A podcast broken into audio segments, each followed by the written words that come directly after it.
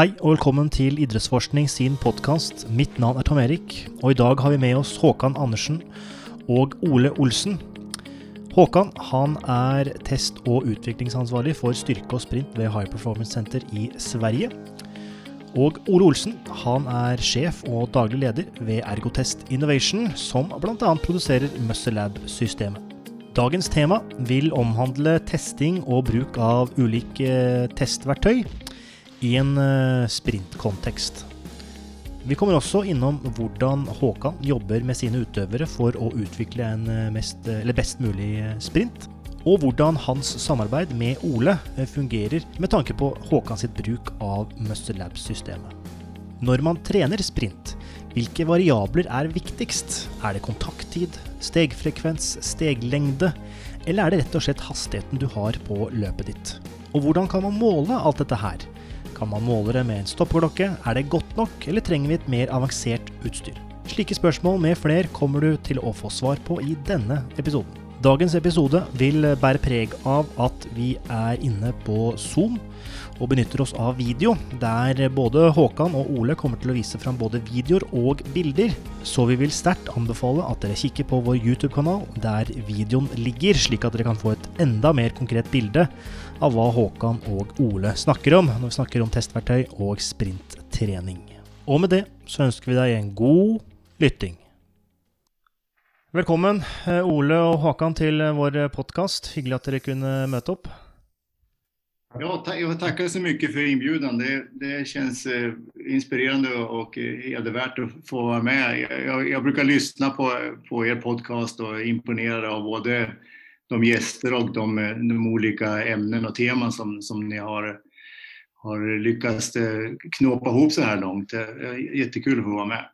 Ja, riktigt. Supert, supert. Har du någon favoritepisode? Ja, ja, kanske Tommy Lundberg, en, en, ja. en, en, en, kompis till mig från KI. Så, en utav dem. De måste ju stå upp för svenskarna. Ja, absolut. absolut. Det är absolut en god episode. Ja. Väldigt, väldigt. Greit.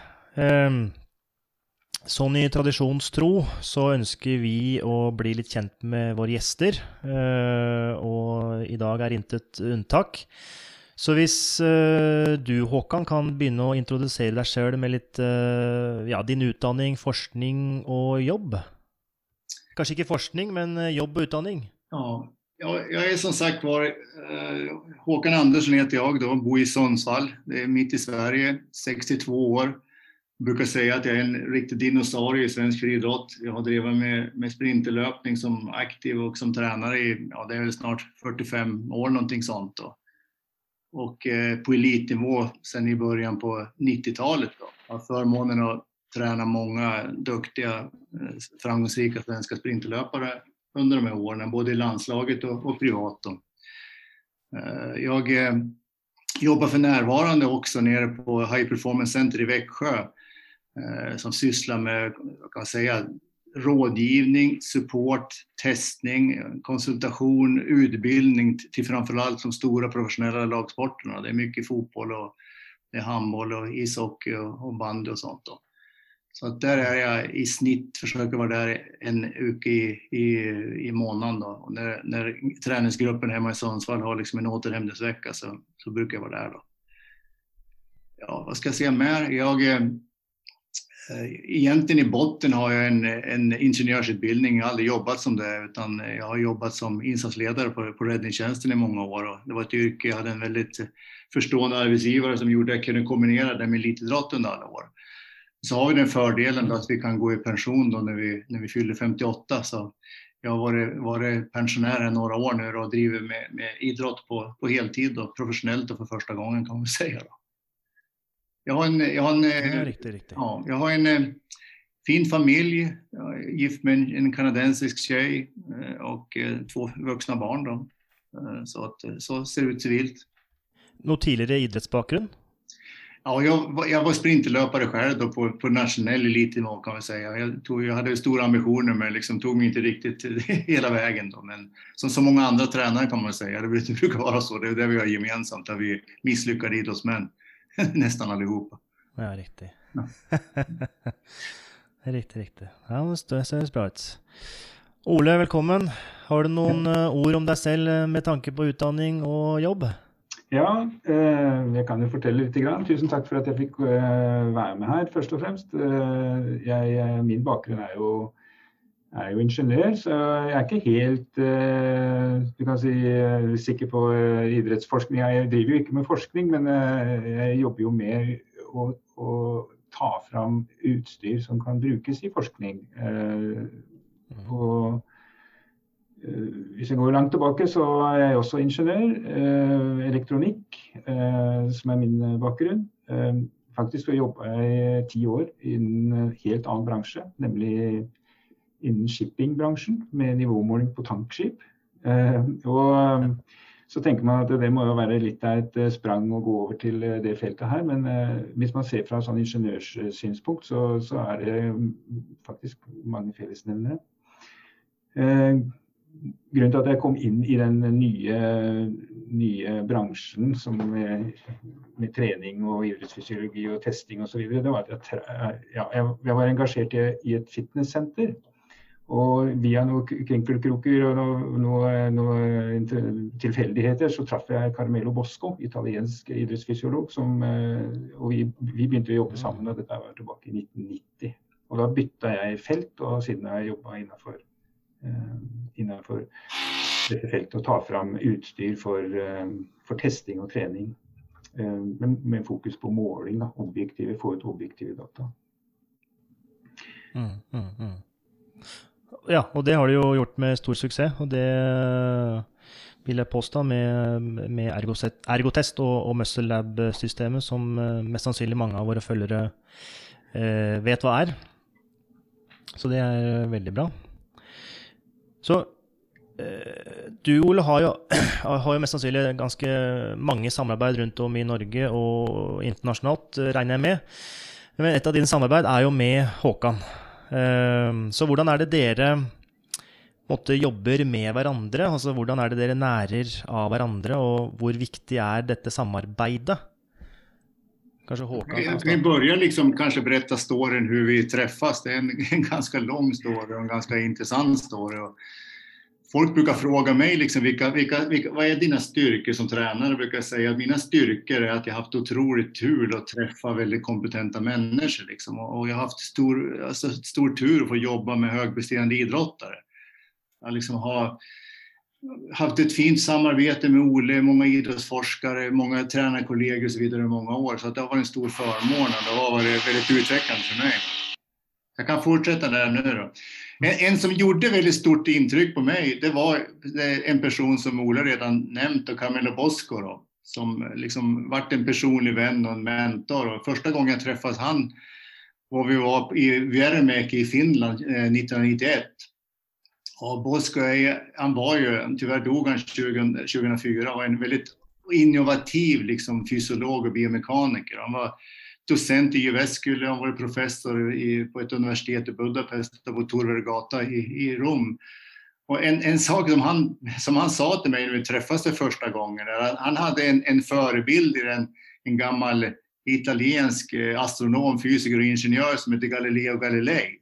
Som enligt Carmelo sa att allt som kan mätas ska mätas och det som inte kan mätas ska göras mätbart. Det tyckte han var ett bra citat och det tycker jag också också lite...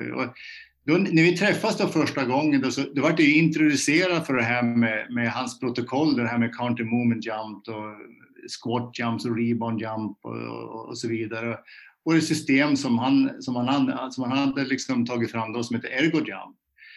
Uh, han visade också hur vi kunde liksom bestämma förhållandet mellan kraft och hastighet genom att hoppa med olika belastningar. Då och får på ett sätt en primitiv krafthastighetssamband. Och jag kommer ihåg att jag sa det, det här är ju spännande sa jag, liksom, men, men skulle det inte vara schysst att ha ett system där man kunde mäta hastigheten på skivstången, liksom, eller, ett, eller ett viktmagasin? Det tycker jag skulle vara bra, sa jag. Då tittade han på mig precis som att jag var en tjuv. Vi håller precis på att jobba med det, sa Och det var, så, det, var så jag, det var så jag varit introducerad till Olle Olsen. Då. Och eh, ett år senare då så, så skaffade jag mitt första system då som hette, hette Ergopower egentligen, men det var ju embryo till, till det första, första muscle labbet då. Så vi, då kunde vi ju med en, en, en enkoder, då, en primitiv enkoder, Ole kan berätta mer om den då, alltså bestämma hastigheten på skivstången då. Och vi kunde genom att eh, testa med olika belastningar och kunde få liksom ett, ett, ett, ett, se liksom förhållandet mellan kraft och hastighet. Vi kunde ganska väl bestämma ett RM till exempel utan att behöva lyfta maximalt. Eh, och han har också introducerat mig för just det här med biofeedback-träning då som, som jag tyckte också mm. var, det kanske var det styrka med det här systemet egentligen. Att när vi håller på med neural styrketräning så sällan vi håller på och lyfter till failure. Uh, vi vill ju liksom jobba liksom mot den, de, de, snabba motoriska enheterna och vi vill inte liksom trötta ut hela systemet för mycket. Men det är väldigt svårt att veta liksom hur många reps, hur många set ska vi köra. Så vi börjar ganska tidigt att använda just biofeedback med det här systemet med lyft i skivstång. Då.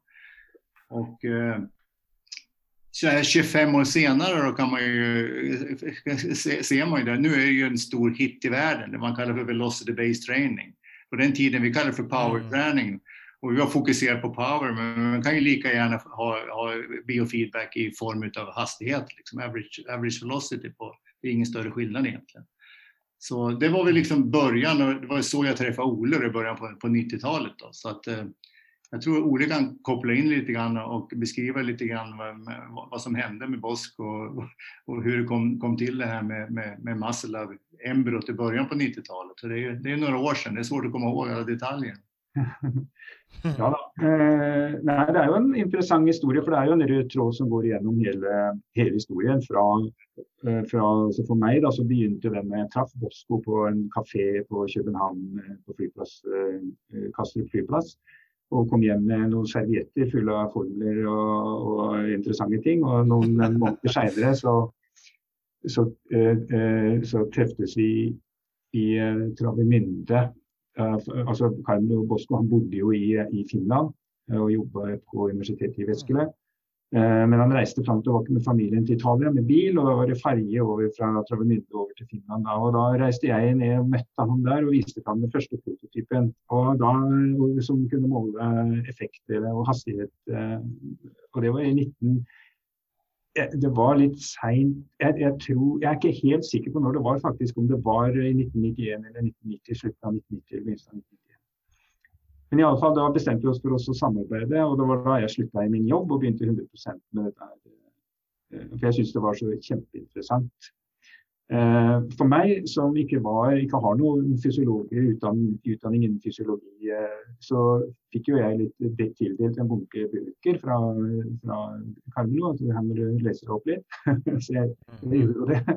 Og så lærte man litt at en muskel var jo, besto av flere elementer. Og, og det var eh, nervesystem her, og det er viskositet og sener og godiske systemer og vet hva. Så jeg lærte eh, Det ble en sånn bratt kurve. Og omgås, omgikk veldig mye kompetente folk. Carmelo Bosco dro meg jo med på konferanser og forelesninger rundt omkring, og der traff jeg toppen i kremen i verden, kan jeg si. På, så jeg, jeg, skjønte jo ikke det på det tidspunktet hvor heldig jeg egentlig var. Mm. Og, så, og, så, var jeg også ufarlig. Um, um, I den forstand at jeg, jeg, jeg, representerte ingen faglig trussel på noen av disse forskerne. For det jeg lærte, at forskere de er ofte litt såre og de, de, er, de, er, veldig segregert hvilket fagfelt de jobber innenfor. Om det er rehabilitering, eller om det er utholdenhetstrening eller eksplosiv trening. eller hva det var, så, så, var de veldig forsiktige med å prate om eh, ting som de, hvis ikke de var 100 sikre på at det, mm. det var deres eget felt. Mm. Mens jeg var en som ingen eh, Han, han vet ingenting, så han, jeg gikk rundt og alle prata med meg. så jeg fikk jo veldig mye god informasjon. Og, og, lærte veldig mye og ulike innfallsvinkler og hvordan, hvordan, man ser på ting fra ulike perspektiver. Så, så, det ble egentlig mitt, eh, min styrke. at jeg, jeg, følte jeg, og Det fikk jeg jo tilbakemelding på, at, at, at jeg, jeg, klarte å etter hvert da, å kunne se, altså forstå hva vi egentlig var ute etter når vi skulle måle noe. Altså ikke bare lage et instrument, men klarte på en måte å, å koble det mot Eh, mot fysiologi da, og, og, en viss forståelse. Selvfølgelig langt ifra det som disse her, Carmen Bosco, andre Henk Kreinhoff, eh, Roald Bahr eh, eh, og andre, Jukka Vitasallo på Jyveskele, her Tesh på Karolinska institutt. Jeg har jobba med veldig mange høykompetente folk, og ikke minst trenere da, etter hvert, som jeg traff uh, Håkan. Eh, som Carlo Bosko hadde stor respekt for. Eh, og får, får liksom input fra forskning, hva, hva, som kreves fra forskeres eh, ståsted. Hva som, hva, men, hva, mens trenerne kanskje har helt andre ting. ikke sant? De er opptatt av andre, andre ting. Eh, rehabilitering, så er det noe annet igjen. Eh, så det er litt Det blei mye. Og det ble jo bare verre, for jeg havna jo Altså, vi begynte jo med å lage Ideen var å lage et system som kunne trene effektivt med biofeedback-trening. Eh, ikke, ikke, bestemme ut ifra en sånn eh, mal hvor mange repetisjoner du skulle ta, men faktisk tilpasse det til individet. Sånn at, det, at det, eh, kroppens egen respons da, på det du gjorde, det, det, bestemte hvordan du skulle fortsette en treningsøkt. Hvor mange sett du skulle ta, mange repetisjoner, hvilken hastighet og sånt du skulle ta. For meg så virket det helt åpenbart. Altså Med kjennskap til gravitasjon. tenkte at gravitasjon, er, Kroppen er et resultat av utvikling i et gravitasjonsfelt. Mm. Derfor så har vi skjelett og muskler som skal holde oss oppreist, hjerte som pumper blod opp. og ikke sant? Skal, hadde vi vært enda høyere, så hadde vi vært sjiraffer og må ha to hjerter. eller sånn, ikke sant? Det er sånn, De er veldig tilpassa gravitasjon. og da tenkte jeg Observasjoner vi gjør for å finne ut hvordan kroppen fungerer, det bør gjøres under de betingelsene. Mm. Eh, etter hvert så ble jeg dratt inn i prosjektet med eh, NASA og Europe, eh, ESA Oi. og jobbet med kosmonauter borte i Russland. Eh, jeg var med på et prosjekt som vi brukte, ikke brukte vekter. Da. Altså ikke brukte gravitasjon, men treghetsmomentet i et svinghjul. Eh, et system vi kalte for jojo-system. Eh, for å trene i vektløs tilstand.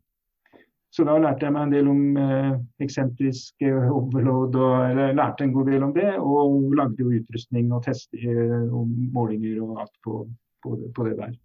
Og det var jo egentlig skjedde jo parallelt med Olympiatoppen hadde en maskin de kalte for helvetesmaskin. Mm. Det var en uh, maskin, uh, knebøy egentlig, med, med, hvor du kunne ha ulik vektbelastning i den konsentriske fasen versus den eksentriske fasen. Altså at man kjørte med høyere belastning på, i det eksentriske fasen. Det var veldig populært før tidlig på 90-tallet. Uh, det var en sånn hemmelig hemmelighet. Det er som Per Egil Refsnes, populært kalt Pella, han, han var veldig det var hans baby, tror jeg. Ja.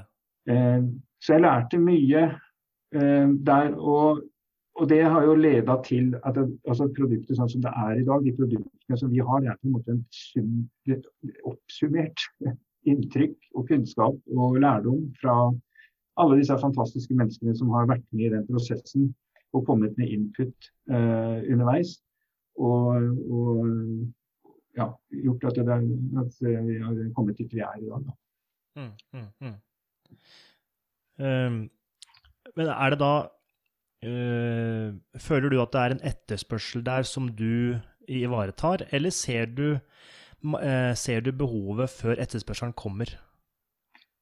Ja, Det er nok vært det som har vært akilleshælen, hvis jeg kan bruke det eh, øh, uttrykket. Um, ehm, når vi lagde dette produktet, første, de første versjonene, og jeg sa opp jobben min, så var jeg helt sikker på at dette her kommer til å bli en verdensnyhet. Jeg kommer til å, jeg kommer til å bli veldig holden mann med å selge tusenvis av sånne enheter.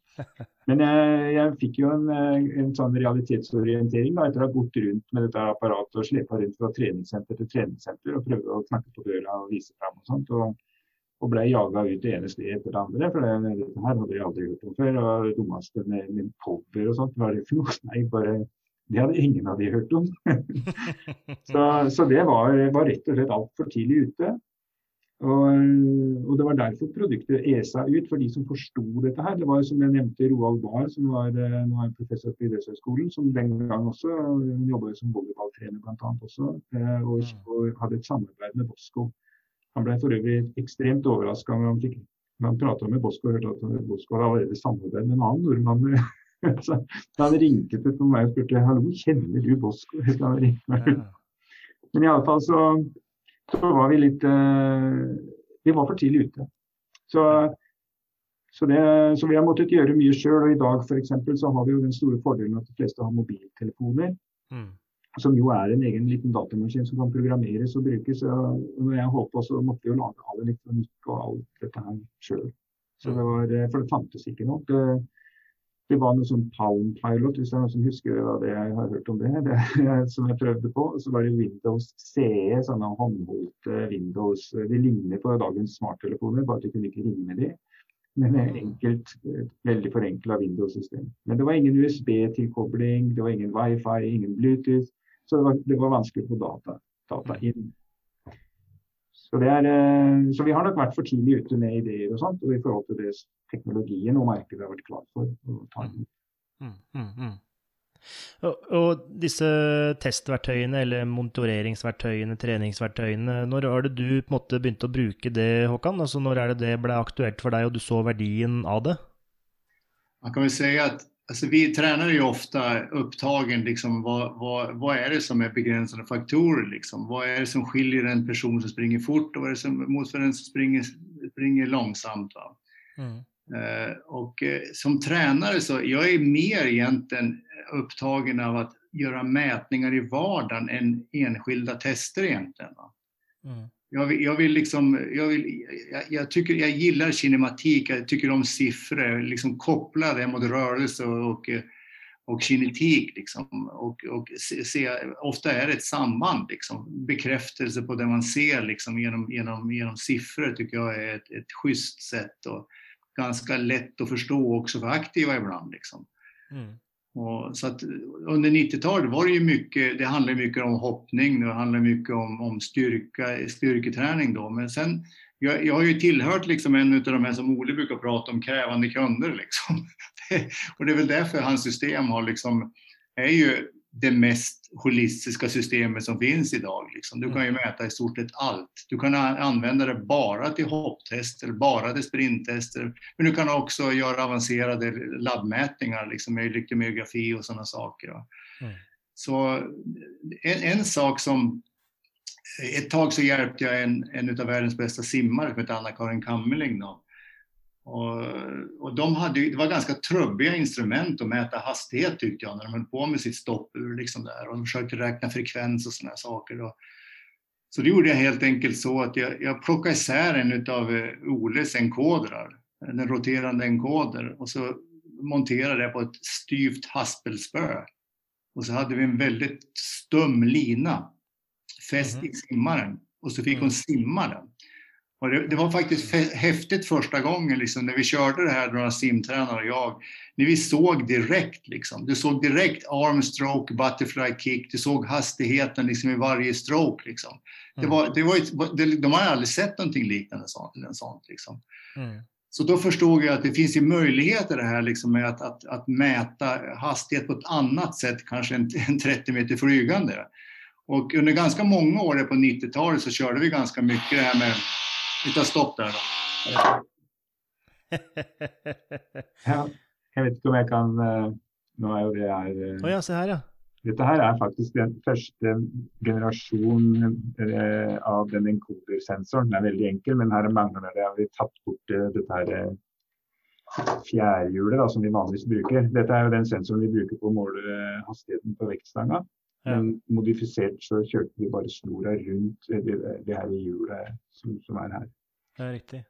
Eh, og når du snakker om stum line, så Jeg lagde jo første variant da, med en, snor som var litt elastisk, og da fikk vi problemer når snora blir lang. Så, så, begynte det å bli sånn fjær, fjæringseffekt. Og, ah. og, da gikk jeg bort, jeg hadde kontor i Langesund, som ligger helt ute ved kysten. og Der var det en sportsbutikk som som jeg var borte og kikka i hyllene der. Og, for jeg tenkte kanskje fiskesnøre kan være noe. Og da kom han og viste meg at ja, det er faktisk fått tak i et helt nytt snøre som er beregna for dypvannsfiske. Ah. Eh, Laga et nytt materiale, noe spektra, det noe, og det er veldig dødt. Hele poenget er at når du har 300 eh, meter line ute, og det er ei kveite som driver og lukter på, på, kroken, så skal du kunne kjenne det. Eh, og Ok, Så da fikk jeg tak i sånn line da, og snurra opp på, på, på fiskesnella. Her er faktisk originalen fra den gangen. Med, med den tynne, veldig tynne snora som har liten masse Og Det er noe av clouet her. Det, være, det, må være liten masse og så stivt som mulig for å mm. kunne gjøre disse målingene. Og Det fikk vi fantastisk bra, som Håkan beskrev, da, etter eh, lagde den der. Så fikk vi veldig gode målinger på svømmere. Men den som, som, sagt var, som sagt var jag, jag, alltså, jag, var ju, jag, jag tyckte det var jättekul att jobba och simma, men jag var ju primärt intresserad av sprinterlöpning såklart.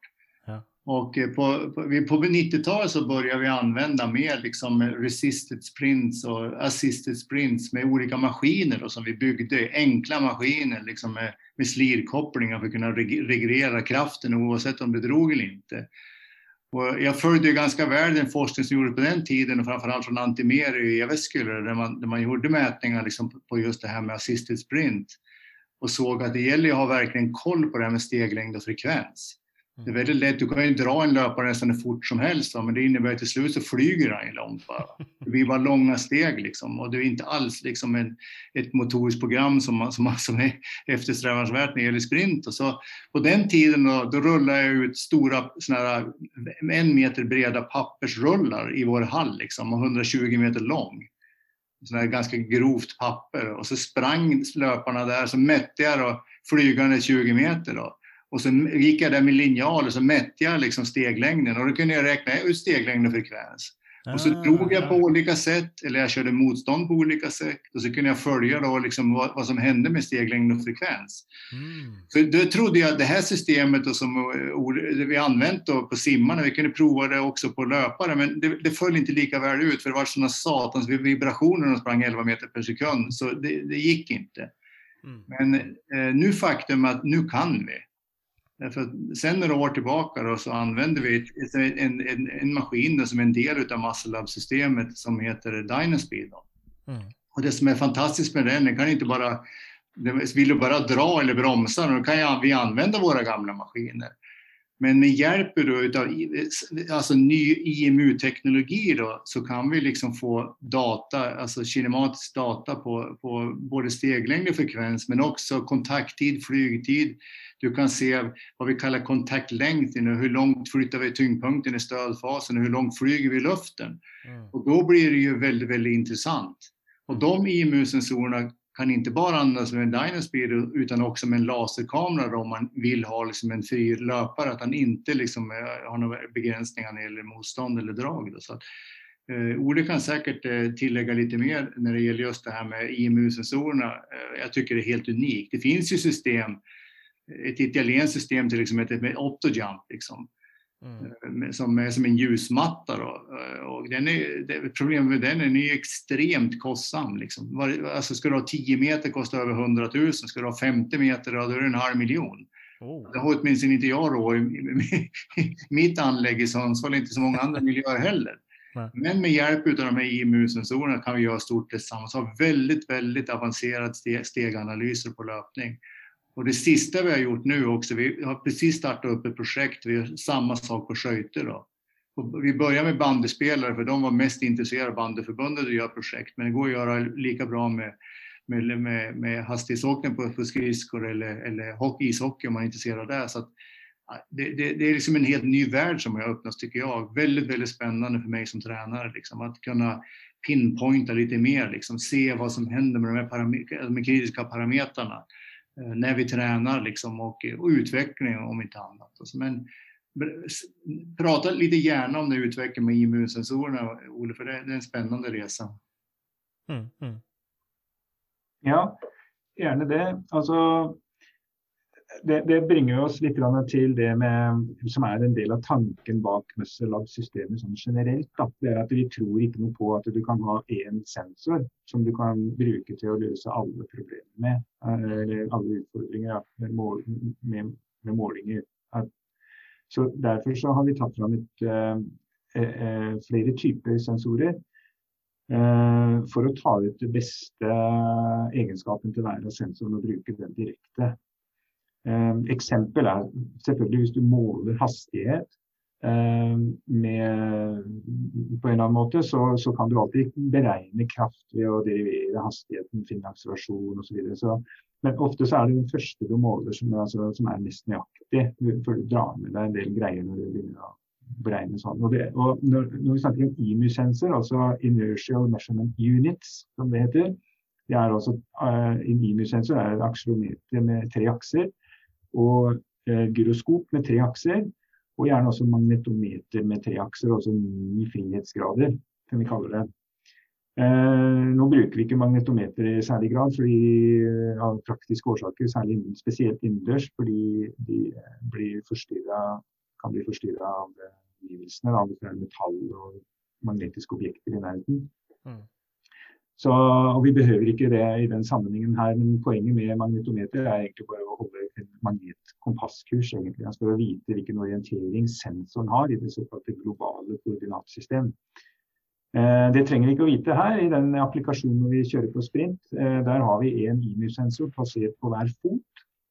Eh, og så ser vi på vinkelhastigheter og akselerasjon på det, og, og, og, klarer da å plukke ut av det et kjent mønster, altså den kjente features som vi, vi ser etter, og, og gjøre beregning på det.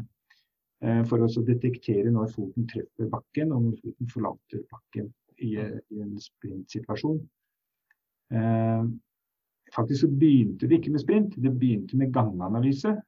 Jeg, vi hadde jo tatt fram disse IMU-sensorene for å spore litt tilbake. enda ytterligere litt, litt grann.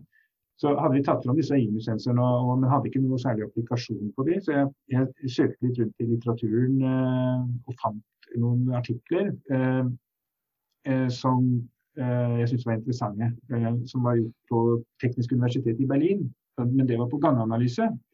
Så jeg reiste ned dit og prata med dem, og vi fikk veldig god kontakt. Og de hjalp meg med algoritmer og sånt som eh, gjorde at vi kunne få dette til å fungere på, på ganganalyse. Så bruker vi det på pasienter for å detektere eh, load response, altså når hælen treffer bakken, flat fot, presving og svingfase på høyre og venstre. Og så kan vi se på hvor hvor eh, bra en, hvis vi kan bruke det uttrykket, en pasient går. Og det er jo et, eh, eh, men det var forløperen. Men da kommer det jo raskt at noen spør kan du ikke springe med det her. det, det, går ikke. Da må vi, måtte vi gjøre en litt annen tilnærming. Men, og vi, vi, gikk jo via et par gikk vi igenom andre forskning, andre publikasjoner så, med plassering av sensorer og sånt, som vi fant ut ikke fungerte. Så, vi, så kom vi fram til, da, med Håkans eh, hjelp, ikke minst, med utrolig tålmodighet, både han og hans utøvere, som da sprang med sensorer både her og der. Og, og, og, jeg prøvde å finne ut av hva er det noen mønster som går igjen her, er det pålitelig nok dette her? Mm. Eh, så det er, den, den, den, den, symbiosen der den er fullstendig, altså den er helt 100 avhengig av. Eh, og, og, ikke minst eh, det er fantastisk at vi, eh, at vi, får så rask tilbakemelding. Altså, det er ikke snakk om å lage ett forskningsprojekt, samle masse data og så analysere. Her foregår forskningen helt kontinuerlig fra uke til uke. Mm. Gjør vi endringer og sånn, så får vi nye data med en gang. Her er nye data, her er nye data. Kan vi se på det? Kan vi se på det? Her fikk vi noe avvik. Hvorfor det? Så kan vi gå og se aha, han løper på en litt annen måte. Da må vi legge, eh, justere litt på algoritmene for å fange opp alle disse forskjellige mm. nyansene. Da. Så, så, jeg føler at nå har vi kommet ganske bra med ja, Nå ser det veldig bra ut, dette her. Eh, så det, det, er kjempe, kjempeartig. Da.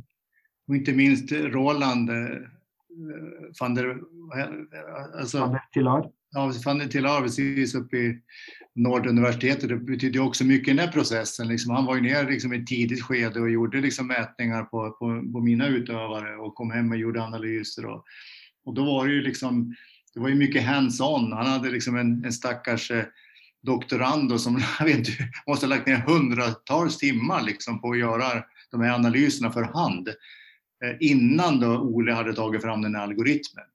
Eh, ah. Vi, vi, kan ju fakt vi kan ju visa, ska vi visa ett, ett protokoll på en, en steg, steganalys? Ja, gärna det. Ja. Eh, ja. På PC, da er det i så fall share screen. Jeg vet ikke om dere har brukt den uh, muligheten før? Ja, Tenker du på en, eh, på en, eh, en rapport? Uh? Ja, en rapport, ja, precis. Ja, OK, jeg kan uh, gjøre det, jeg. Uh, da har vi den der. Se her, ja. Ja. Du har den der? Ja, ja, ja. ja. OK. Ja, jeg kan jo begynne å forklare litt om hva det er. Det er også en, eh, en sprinter da, som har løpt med eh, motstand, altså en snor festa til eh, beltet som holder sprinteren igjen. Og her har vi da eh, Det er Håkan som har utført denne testen på en av sine sprintere. Mm. Eh, og det er tre kilo motstand, som er da tilsvarer 6,12 av kroppsvekt. Og så løper, Her har vi da hastighets, eh, hastighetsprofilen. Mm. Med, hvor vi har rådata, rå kurven, og så er det da eh, en sånn tilpassa kurve. da. Så, er, det, er, det, er, det, unnskyld, men er det frekvens, stegfrekvensen vi ser der? Disse, den grå? Ja, altså i visse, eh, i visse sammenhenger så kan du faktisk se på oscillasjon og, begynne, og kan regne ut, men det er litt farlig. fordi det er jo et system dette her, hvor, hvor sprinteren utgjør en del av systemet. Det, mm. resten av systemet er jo snora. Snoras egenskaper, snoras elastisitet. Mm. Hvor, mye, hvor, mye, strekk du har i snora, altså hvor mye motstand har du. Hvor langt ute er snora. Og så, videre. så selve maskinen har sine egenskaper også, med treghetsmomenter og bevegelige deler. Så det kan nok, altså Vi har sett at i visse sammenhenger så, så det, kan, kan, du kanskje begynne å hente ut noe data fra de, men vi, vi, vi kom fort til det det er ikke, er ikke noe vei å gå. Det blir litt sånn bingo. Du kan få, gode, du kan få greie resultater, men neste gang så funker det ikke. Ja, ja. Mm, mm. Så da har vi jo eh, Når vi har én sensor sånn på hver fot, sånn som vi har, en sånn IMU-sensor som vi snakka om, så er jo den synkronisert. altså Den, den sensoren har sin egen klokke. Så når vi starter en test, så blir alle klokkene synkronisert på alle sensorer. Det være seg elektromyografi, IMU-sensorer, kraftsensor, kraftplater, eh, lasersensor og, og Dynaspeed. Og alt går da på millisekunder i takt. Og disse, tråd, disse sensorene er selvsagt trådløse, disse IMU-sensorene. Og de, de, lagrer data eh, på innebygd eh, memory. Fordi vedkommende kan jo finne på å springe ut av radiorekkevidde. Mm. Og da ville vi jo mista data hvis ikke den hadde lagret det. Så når vedkommende kommer i mål, så, så, så stoppes, stopper systemet testen, og så henter den data fra disse sensorene i etterkant, det som måtte mangle. da. Eh, og Dermed så får vi hele forløpet, alle, alle, data. Så Her har vi et eksempel på en sånn sprint hvor vi får ut eh, tid og avstand og hastighet og hvilken fot som er i dette steget gjelder. Og kraft og mm, effektutvikling, altså mm. power da. Mm. Kontakttid i millisekunder og flytid i millisekunder. Og så får vi da kontaktlengde, dvs. Altså si hvor langt tyngdepunktet flytta seg i lengderetning mens foten var i bakken. Mm. Eh, og, og, flylengde, altså tilsvarende da, når man er i lufta, hvor langt flytter man da framover. Så har vi da eh, skrittlengde og stegfrekvens. Skrittfrekvens og da imbalans av forskjell mellom steglengde i det, i det tilfellet her mellom høyre og venstre bein. Mm. Der har vi vært ja. Men Håkan, eh, når du gjør, for du bruker Dynaspeed, det har vi sett på Instagrammen. Eh, og det er sikkert flere der ute som bruker Dynaspeeden. Når uh, våre følgere kikker på det, den tabellen her, er det noe informasjon du anser som viktigere enn den andre? Altså er det noe du, du går rett inn på den kolonna fordi den er den viktigste, eller må man se alt i sin uh, helhet? Jag, jag, tror det finns ju vissa sådana här, vad ska man säga, key performance eh, indicators. Det är ju hastighet, steglängd och frekvens. Liksom. Det är de. Va? När man, tittar man på det här med kontaktlängd till exempel, den är ganska stabil. Liksom. Det är ju liksom hur långt flyttar du tyngdpunkten från touchdown till tå? Den är ganska stabil liksom, på, på en löpare. Mm. Eh, det, det, som, det som händer liksom, när man, när man springer, springer snabbare, liksom, dels kanske man flyger lite längre på grund av hastigheten är högre, men kan också vara så att steglängden förändras inte för att du blir styvare. Den vertikala oscillationen eh, eh, blir mindre, va? så det blir styvare. Så det ser man också på sprinterlöpare liksom på, på elitnivå. De springer, alltså de har liksom samma steglängd i stort sett liksom från de är vuxen genom hela karriären. Det som händer sen det är ju att de förmår producera mer kraft i backen, alltså, alltså en, en större impuls och kan, kan liksom producera mer kraft och, och, och högre hastighet. Liksom. Men de blir styvare och styvare ofta. Sen finns det undantag, det finns några också som, som kanske förlänger liksom steglängden något, men framförallt är det, är det frekvens då, och styvhet.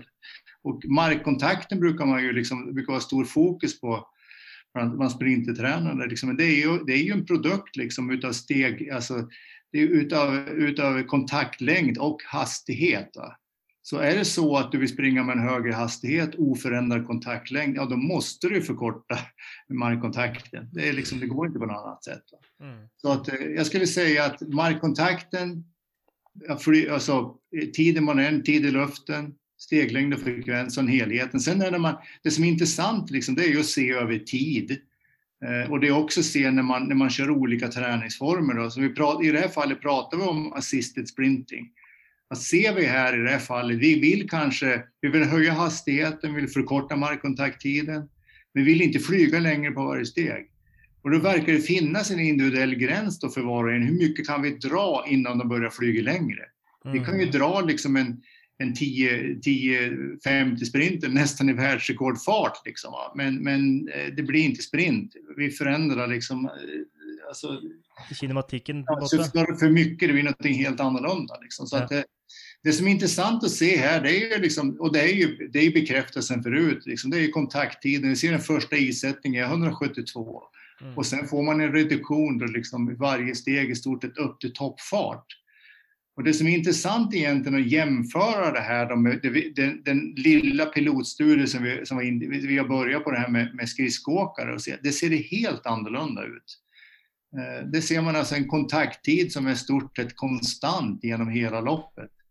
Och den är mycket, mycket, den, den, den är kanske 350 till 400 millisekunder. Det är den tid de har på sig att producera kraft. Det som mm. händer är att de glider längre och längre liksom, på varje skritt mm. eh, utefter hur hastigheten höjs. Så.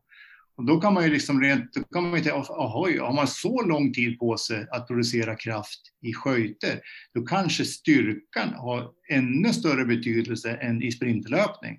Mm. Sådana eh, såna liksom idéer kommer ju direkt upp. Jag vet inte om Ole har någon, har du någon rapport på, på någon av våra ja, de är, Jag ska finna det, då stoppar jag delvis skärmen lite grann. Ska se om jag kan finna en eh, sån en. Hvis, hvis, du leter, Ole, så ja. bare et tilleggsspørsmål til Håkan. Men så når du da har, eh, i hvert fall slik jeg har forstått det, og du sa det litt eh, også eh, Kan du på en måte identifisere hva utøveren burde jobbe videre med, basert på kontakttid, eh, frekvens og steglengde? Er det sånn at eh, hvis du ser en sprinter på 1,60. Det er ikke sikkert du har det, men uh, la oss mm. ta det som et eksempel. Hvis han har en lang steglengde, er det optimalt for den personen? Burde ikke den personen da ha høy stegfrekvens? Kan du gi sånne tips basert det, på den? Det, det, alltså det är ju ganska lätt att ta långa steg. Ja. Det är ju bara att sätta i långt framför tyngdpunkten och så sträcka ut för långt bak. Mm. Problemet då, då har ju förändrat din kontaktlängd så mycket. Mm. Och då, då blir det ju en markkontakttid som är inte optimal för att springa fort. Så det, är, det är väldigt intressant. Ger du en teknisk instruktion till någon att du måste springa med längre skritt, då blir det nästan med automatik att det blir, de förändrar alltså, tekniken va? och det är inte mm. mm. optimalt. Mm. Mm. Det, det optimala liksom är att vi kan bibehålla den här kontaktlängden, men vi kan reducera liksom, reducera markkontakttiden genom att vi producerar en, en högre kraftimpuls. Ja. Så att vi, vi, vi, höjer farten på så sätt. Då. Men eh. vill denna tabellen här bestämma lite hur utövaren tränar? Vi, kör, vi, kör ju, vi har ju ett testbatteri som vi kör då, liksom med olika belastningar. Man kan säga från en riktigt tungt motstånd. Det tyngsta vi kör är ungefär ungefär 30 procent av kroppsvikten och det motsvarar ungefär 60 procent av kroppsvikten vid en släde, lite grann beroende på friktionen på underlaget. Då. Mm, mm. Och så går vi ner mot noll då, där vi inte belastar någonting och så kör vi på den andra sidan då, där vi liksom assisterar och så tittar vi vad som händer liksom med, med steglängdsdata liksom på, på individnivå.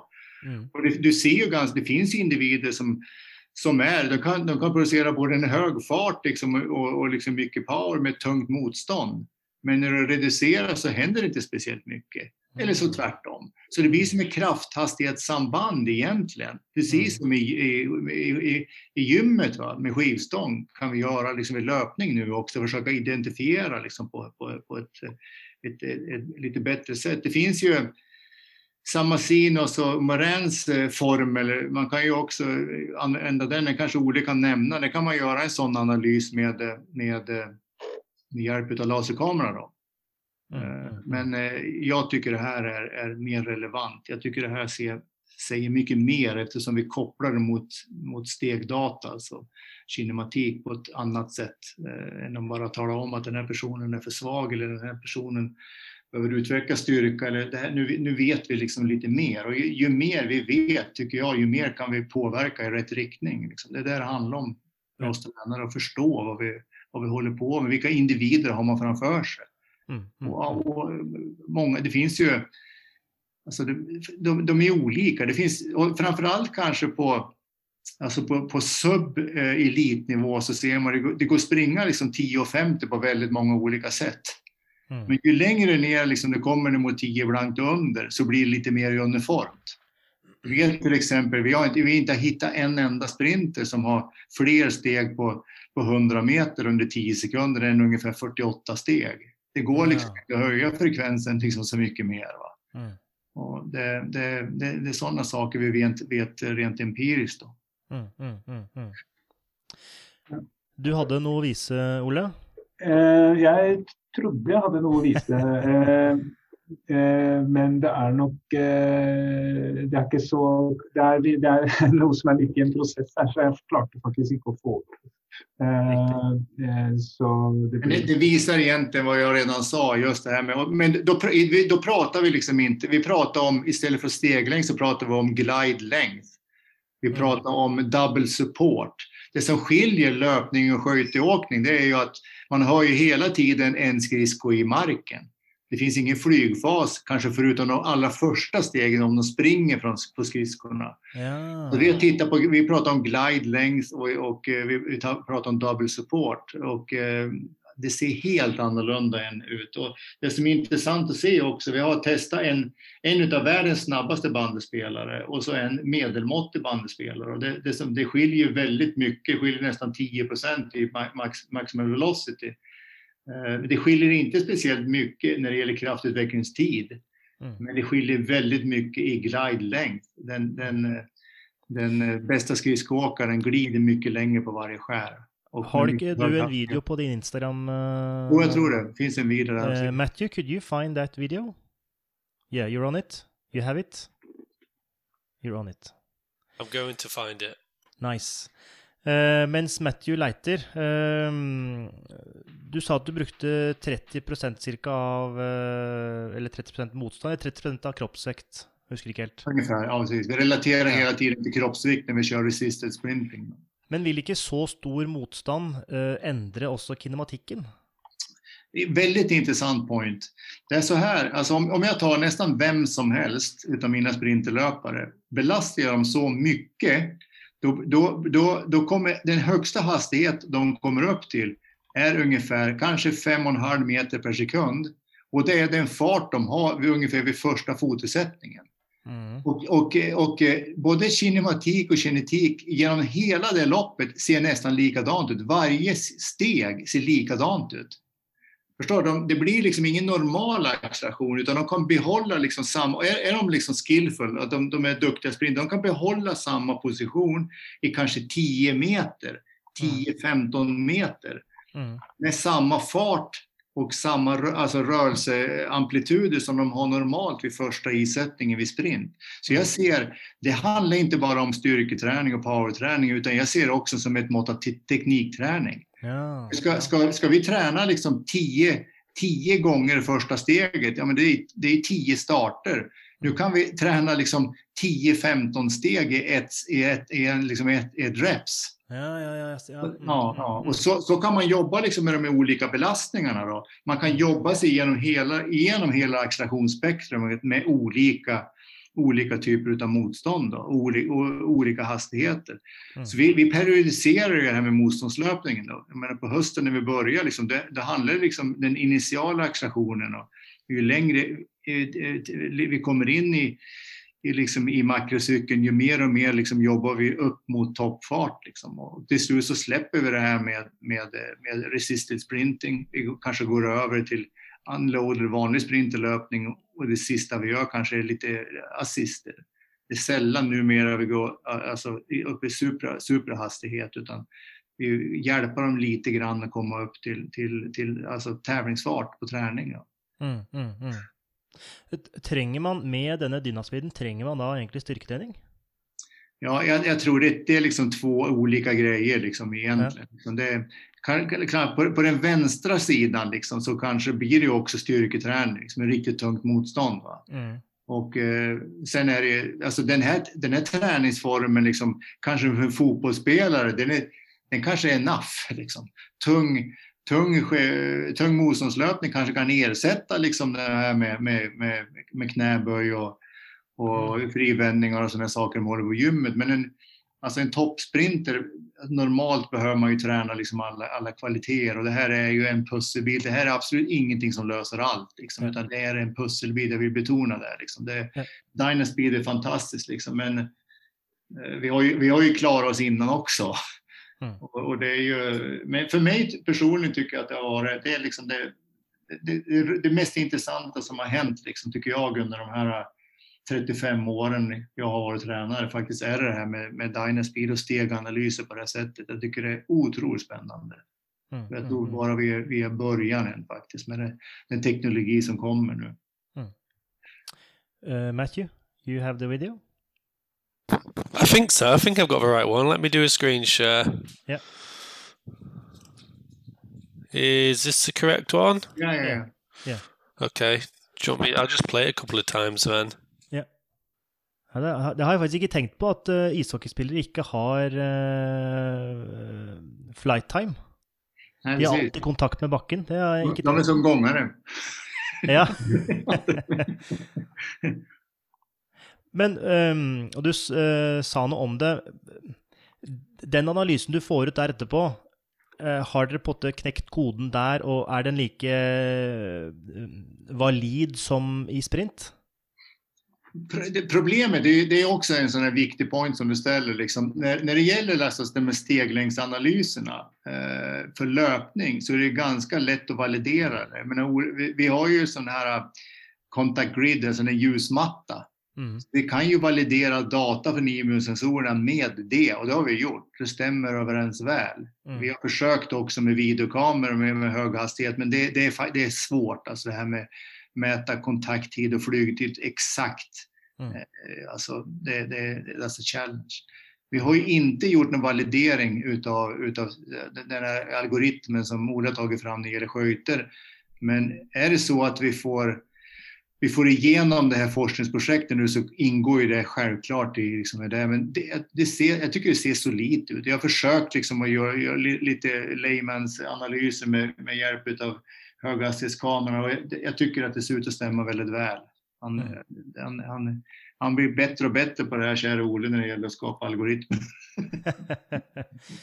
ja, det är bra. Det är, eh, det är viktigt att uh, fältet ger tillbakemelding till kilden, och att kan bli, kilden kan bli ända bättre. Det regner jag med Ole tränger i sitt arbete. Skulle du kommentera något, Ole? Nei, jeg bare sier at Det er en ekstremt viktig sak. Også det med validering det blir jo gjerne som sagt et forskningsprosjekt som går over man får et antall personer osv. Så, videre, så kjører man, så er det ferdig. Uh, mens vi har jo da, som jeg nevnte tidligere, vi samler inn data kontinuerlig. og, og, og Roland eh, Fande Tillar fra Nord universitet var jo nevnt her, og han har også vært en viktig person oppi dette her. Uh, og, og samla inn utrolig mye data. og hatt store, har hatt mange studenter som har kunnet uh, bidra til å analysere og hjelpe oss å plukke ut ting. Så det er, dette her er ikke noe sånn enmannsshow, dette er et samarbeid som, mm, mm. Uh, som leder fram til disse tingene her. Greit. Bra. Uh, should we do some questions from the followers, uh, Matthew? Yeah, I mean we've got we've got a lot. Um, I think quite a lot have been answered during the conversations anyway. Um, I suppose in relation to the fact that we showed an example from ice hockey, we do have a few questions about kind of other sports outside of track and field. So we've had a few people saying, asking what Håkan's thoughts are on sprinting specifically for football in terms of uh, just general thoughts around sprinting in team sports and sprinting in football. And then somebody's asked like, I mean, I think most of us could answer this question, but how important is run is sprinting technique specifically for football players? So I don't know if there's any, we've got any thoughts around football sprinting. Jag jag har jobbat en hel del med fotboll liksom, och jag har iakttagit också fotboll. Jag brukar säga så här, rent generellt så tar du en 12-årig fotbollsspelare och jämför han med en 22-årig fotbollsspelare så springer nästan alltid 12-åringen med en mer sund teknik. Eh, det verkar som liksom just det här med den otroliga fokuseringen liksom på, på smålagsspel, accelerationer och change of directions. Det gör liksom att man skapar liksom ett, ett, ett väldigt, väldigt inskränkt löpsteg. Och eh, sen vet vi ju att eh, man har ju enorma problem liksom med hamstringskador liksom i fotboll. Mm. Jag har väl gått förbi det, ACL-skadorna tror jag Premier League kostar ju liksom miljoners miljoner varje år för, för, för fotbollslagen. Att mm. Man har skadade fotbollsspelare och det är ju sorgligt. Delvis är det liksom att man är, man är rädd, liksom, tror jag, att man är rädd att utsätta dem för det här med, med, med linjär snabb sprinterlöpning på träning. Eh, man är rädd att de ska gå sönder. Men det innebär ju att de utsätts för det när de, när de är under match istället. Då. Mm. Kanske i ett trött tillstånd. Liksom, när, när, när tekniken faller ihop liksom i slutet på halvlekarna så vet vi att eh, skadefrekvensen är mycket, mycket högre.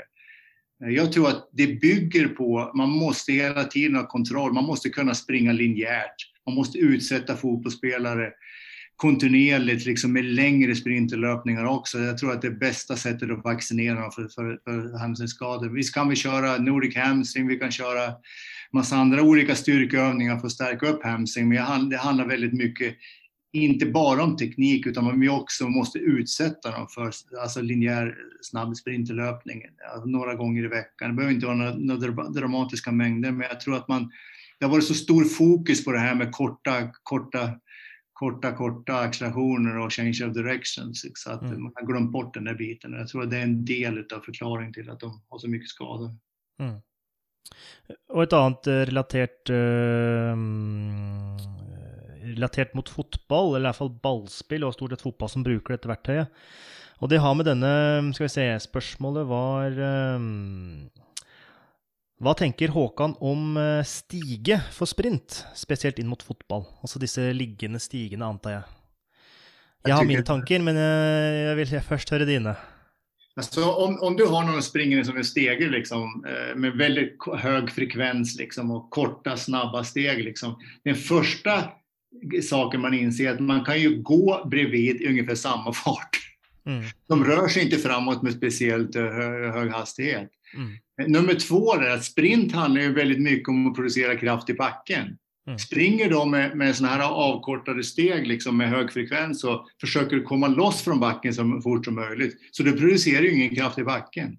Så visst kan man hålla på med sådana här saker för att det är roligt, liksom att man vill, som uppvärmning och så vidare. Men att tro att man blir snabbare fotbollsspelare, eller oavsett, det, det tror jag inte ett smack på. Jag tycker det här har fått alldeles för mycket stor plats i lagsporterna. Och jag, eh, jag, jag, kan säga att jag kräks när jag ser det, men det, det är liksom det är Ja, men jeg er helt, helt enig, jeg tror Matti også er enig i at eh, ja, vi ser, eh, vi ser stiger bli brukt, og vi skjønner ikke hvorfor. Det kan väl, kan väl kanske ha sin funktion mot barn och motorik och den slags kanske? Säkert är det så. Säkert är det så. Men jag tror också det handlar lite grann om okunskap. Liksom. Är det så att du som, som fotbollstränare eller fystränare i fotboll har inte riktigt koll på, liksom, på det här med, med, med, med mekanik för snabb löpning, då är det lättare att köpa liksom, prylar liksom, och så kör vi de här övningarna liksom, istället för att ge tekniska instruktioner.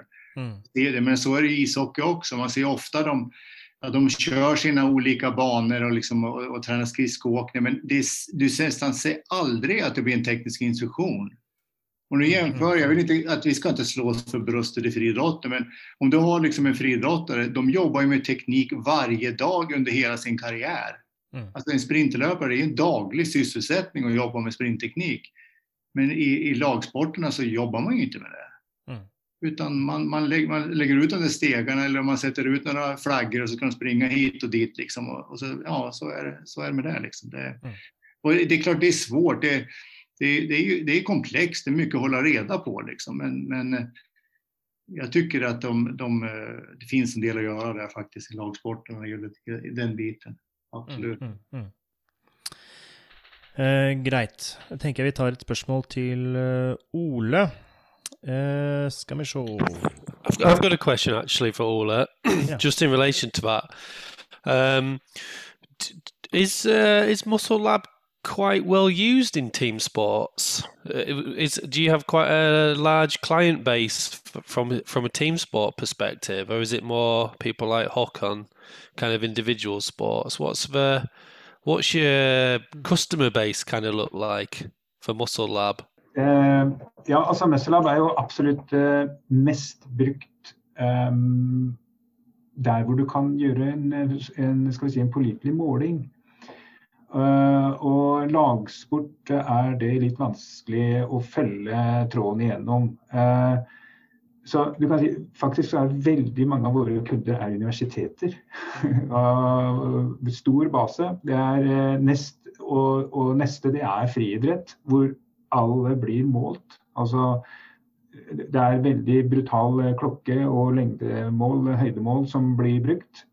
Og og det som er interessant der, og litt mer sånn sporbar, da, det er at hvis du mener at f.eks. knebøy eller en annen type styrketrening skal påvirke din eh, aktivitet, som vi kaller det, da, det være seg kaste spyd eller hoppe langt, så kan du faktisk måle hva framgangen du har i knebøy ganske spesifikt. Du vet, du vet f.eks. i knebøy blir, blir du mer eksplosiv, blir du Eh, sterkere, og hvordan slår det ut i din aktivitet, som du prøver å bli bedre i. Mm. Og den, eh, den, tankemodellen bruker vi også innen rehabilitering, faktisk. Det går liksom hele veien. Og, men på lagidrett så er det litt vanskelig å finne den direkte koblinga mellom eh, f.eks. en knebøy og hva vi presterer på fotballbanen. Så vi har nok ikke fått den forståelsen eller aksept i lagidretter for mm. testing på samme måte og kanskje ikke interesse heller, selv om den er stigende nå. Jeg merka det de senere åra, så har det blitt mer interesse også for å gjøre tester der. da. Um, så vi har jo gjort noe der med tilpassa testbatteriet vårt litt grann, i forhold til spesifikke tester, f.eks. akselerasjon, deakselerasjon, en test vi nylig eh, implementerte, som er typisk for lagidrett. Uh, eller spille, ja, lagspillere. Da. Jag kan ju flika in där på High Performance Center i Växjö så Alltså, vi använder jätte, Masselev jättemycket när det gäller testning av lagsporter. Där. Det, alltså det, det, det är de här klassiska liksom snabbhetstesterna liksom med, med hjälp av fotoceller och, och sådana saker. Det är ju liksom kärnan både i hockey och fotboll och så vidare. Det, det är viktigt som, som parameter. De olika hopptesterna finns ju med. Powertesterna. Eh, vi börjar köra mer och mer med kraftplattor för det är liksom en urfod, det är en det är en utmaning det här med att hoppa på ljusmattor när det gäller folk som inte är van att testa på det sättet. För att utförande har så stor betydelse på om, om testen är, är okej okay och godkänd eller inte. Mm. Det är lite enklare på kraftplattor då, så att vi använder Masslabs kraftplattor en hel del för det. Mm. Ehm, vi har börjat mer och mer att använda också isometriska styrketester när det gäller framförallt eh, ishockey. Då. Mm. Ehm, vi, har, vi, har, vi har bland annat byggt in eh, load sensors i en benpress för att kunna mäta liksom benstyrka väldigt isolerat på ett säkert sätt. Många av de här spelarna är fruktansvärt starka i benen. Ska du liksom testa maxstyrka på dem med en, en, en knäböj så du riskerar ju hälsan. Det, så starka är de. Så det känns som mycket, mycket safeare sätt att göra. Så att sittande benpress isometrisk och eh, alltså isometrisk mid-thigh pull så det är också alltså muscle lab-produkter som vi använder ju dagligdags där nere. Så att, eh, och det, det, är inte bara vi, utan jag tror att det är många, en hel del miljöer ute i världen också som använder muscle precis på det sättet. Så att, eh, jag tror att om, om, om du tittar i din, din, din kundkartotek så är det nog en hel del lag också som finns där och som, som kör. Mm. Men vad är grunden till att du kör isometrisk versus dynamisk? Vi, när vi kör isometrisk, men vi kör också dynamiskt, men är det med maxprestationen, alltså maxstyrka, så jag har bara en sån instinktiv känsla. Det, har varit, det, har liksom, det är för mycket problem med det här att ta in lagsportare i gymmet och testa dem maximalt. Maxstyrka maximalt. Mm. Och jag har funnit att det här, alltså just det här med isometrisk det var ju, det var ju vanligt i gamla staterna liksom, men det, det, är lite intressant att i Finland har man fortsatt med det här. Så vi har ganska mycket jämförelsematerial liksom från finska, finska idrottare. Liksom, att, att, eh, eh det, det, jag tror att det kommer en renässans när det gäller isometrisk testning faktiskt. För att det är mycket, mm. mycket säkrare att göra det än, än, än vanlig dynamisk tung, tunga tester. Mm. Ole, jag be beklagar, jag avbröt dig. Du skulle säga något? Nej, jag tror jag, du kan säga det Eh, når det gjelder testing, da, bare for å ta eh, ta litt, Jeg er enig med Håkan. altså Det med, det med nei, isometrisk testing det er jo veldig enkelt eh, og trygt og greit. Men det som har vært eh, det, som jeg, det som jeg ble indoktrinert med fra Boskos eksplosive styrketankegang, så var isometrisk det var greit for rehabilitering og ikke så veldig mye mer. Eh, og samme det gjelder egentlig isokinetisk, altså konstant hastighet gjennom bevegelsene. Mm. Så, så jeg, på, altså når det gjelder testing, så har filosofien vår vært hele veien at vi skal ikke bestemme hva slags test noen skal gjøre. Hvis det er noen som mener at denne treningsformen er bra, da bør vår testapparatur kunne tilpasses den treningssituasjonen og gjøre måling akkurat sånn som du har tenkt. Om det er tåhev, eller om det er ettbeins kneve, eller hva du skal gjøre, mm. så er det det beste å måle og se faktisk hvilke framganger du har akkurat i den eh, treningssituasjonen som du mener har positiv effekt på aktivitet. Og så kan du se etterpå, måle igjen på aktiviteten eh, kaster spyd eller springer fort, eller vad du gör och se om det faktiskt har någon inriktning, då, om du ser några sanningar. Det har varit kan säga, bakgrundsfilosofin vår. Mm, mm, mm. Greit. Um, uh, har du någon videor på din Instagram, Håkan, där du jobbar med eh, lagspillutøvere i en eller annan form? Jag har nog en, en video på Instagram där, där, ni kan se eh, både när det gäller alltså midside pull och när det gäller, när det gäller isometrisk benpress. Kan ni söka på det. Mm. You on the task, eh, Matthew? Yeah, is this is this with the javelin throwers? Yeah, one javelin thrower and one ice hockey player. The ice hockey player det är intressant att Olle säger just det här, men jag, jag är helt med att det, alltså isometrisk testning liksom är det man måste inse liksom att det är definitivt på den vänstra sidan utav krafthastighetskurvan. Mm, mm, mm, men kopplar man den mot hopp så får man en ganska bra bild av individen faktiskt. Och det finns ju några här som, de, de som är isometriskt starkast är ju ofta de som är starkast i, i en maximal knäböj också dynamiskt. Mm. Att man, man, man kan hitta ganska många som är otroligt starka men de kan, du ser inte dagsljus under fötterna när de hoppar vertikalt. Och då kan man ju undra om deras styrketräning har varit lite missriktad på något ja, sätt. Ja, ja. Det, är, det, är, två punkter liksom. Isometriskt eller att du kör ett, ett hopp. Liksom. Det är två, två, två ytterligheter egentligen på krafthastighetskurvan. Mm. Eh, och jag har som sagt var, jag har en hel del filmer på det och jag tror det finns lite grann på Instagram också där. Mm, mm. Ja, ja. Jeg fant et par eh, videoer og litt mer underlag her som vi ikke fant i stad. Så jeg har noe litt grann her nå, jeg også, faktisk. Ja, bare kjør på. Del i vei. Dette er fra Minneapolis. Ah. Eh, Gopher eh, hockey. Eh, og det de gjør her, det er Det er en slags sånn agility-test. da, hvor Man har en uh, løype man skal gjennom som utfordrer ulike fysiologiske egenskaper. Alt fra uh, vendinger og akselerasjon og, og toppfart og, og, litt sånt. Så det er der bruker de jo Muscle-Lab-systemet, men da med fotoceller som er plassert rundt, så vi får tidsintervaller gjennom hele mm. Mm. Uh, ja. Kult. Veldig kult. I think I've found that video. Um, shall I do a screen share, Tom Eric? Uh, yeah, and we take the rest of the Oles afterwards. Uh, I think this is the one. Is this the right one? One. Uh, det här är en olympisk uh, isländsk spjutkastare. Man kastar en bra bit över 60 meter. Mm. Isometric mid pull. Mm. Några olika övningar som vi kör, de isometriskt. Olika hoppövningar. Det är spjutkastare allihopa då, på svensk landslagsnivå. Ser du noen korrelasjon mellom uh, f.eks. mid-type pool og hvor høyt de hopper? Uh, tyvärr ikke. Nei. tyvärr ikke. Større korrelasjon med pool og frivändningar. Eller ja, med ja. en tung knäböj. Ja, ja, ja. Men uh, stop, stop the video there on the, this uh, force uh, test. Når du tar kraftcella og monterer den i bakken, Mm. Eh, vil det ikke være måte, fare for at personen da lener seg tilbake, eller uh, Ja, at det, det, kan, det, kan, lettere jukses da på den testen her versus å bruke en kraftplattform?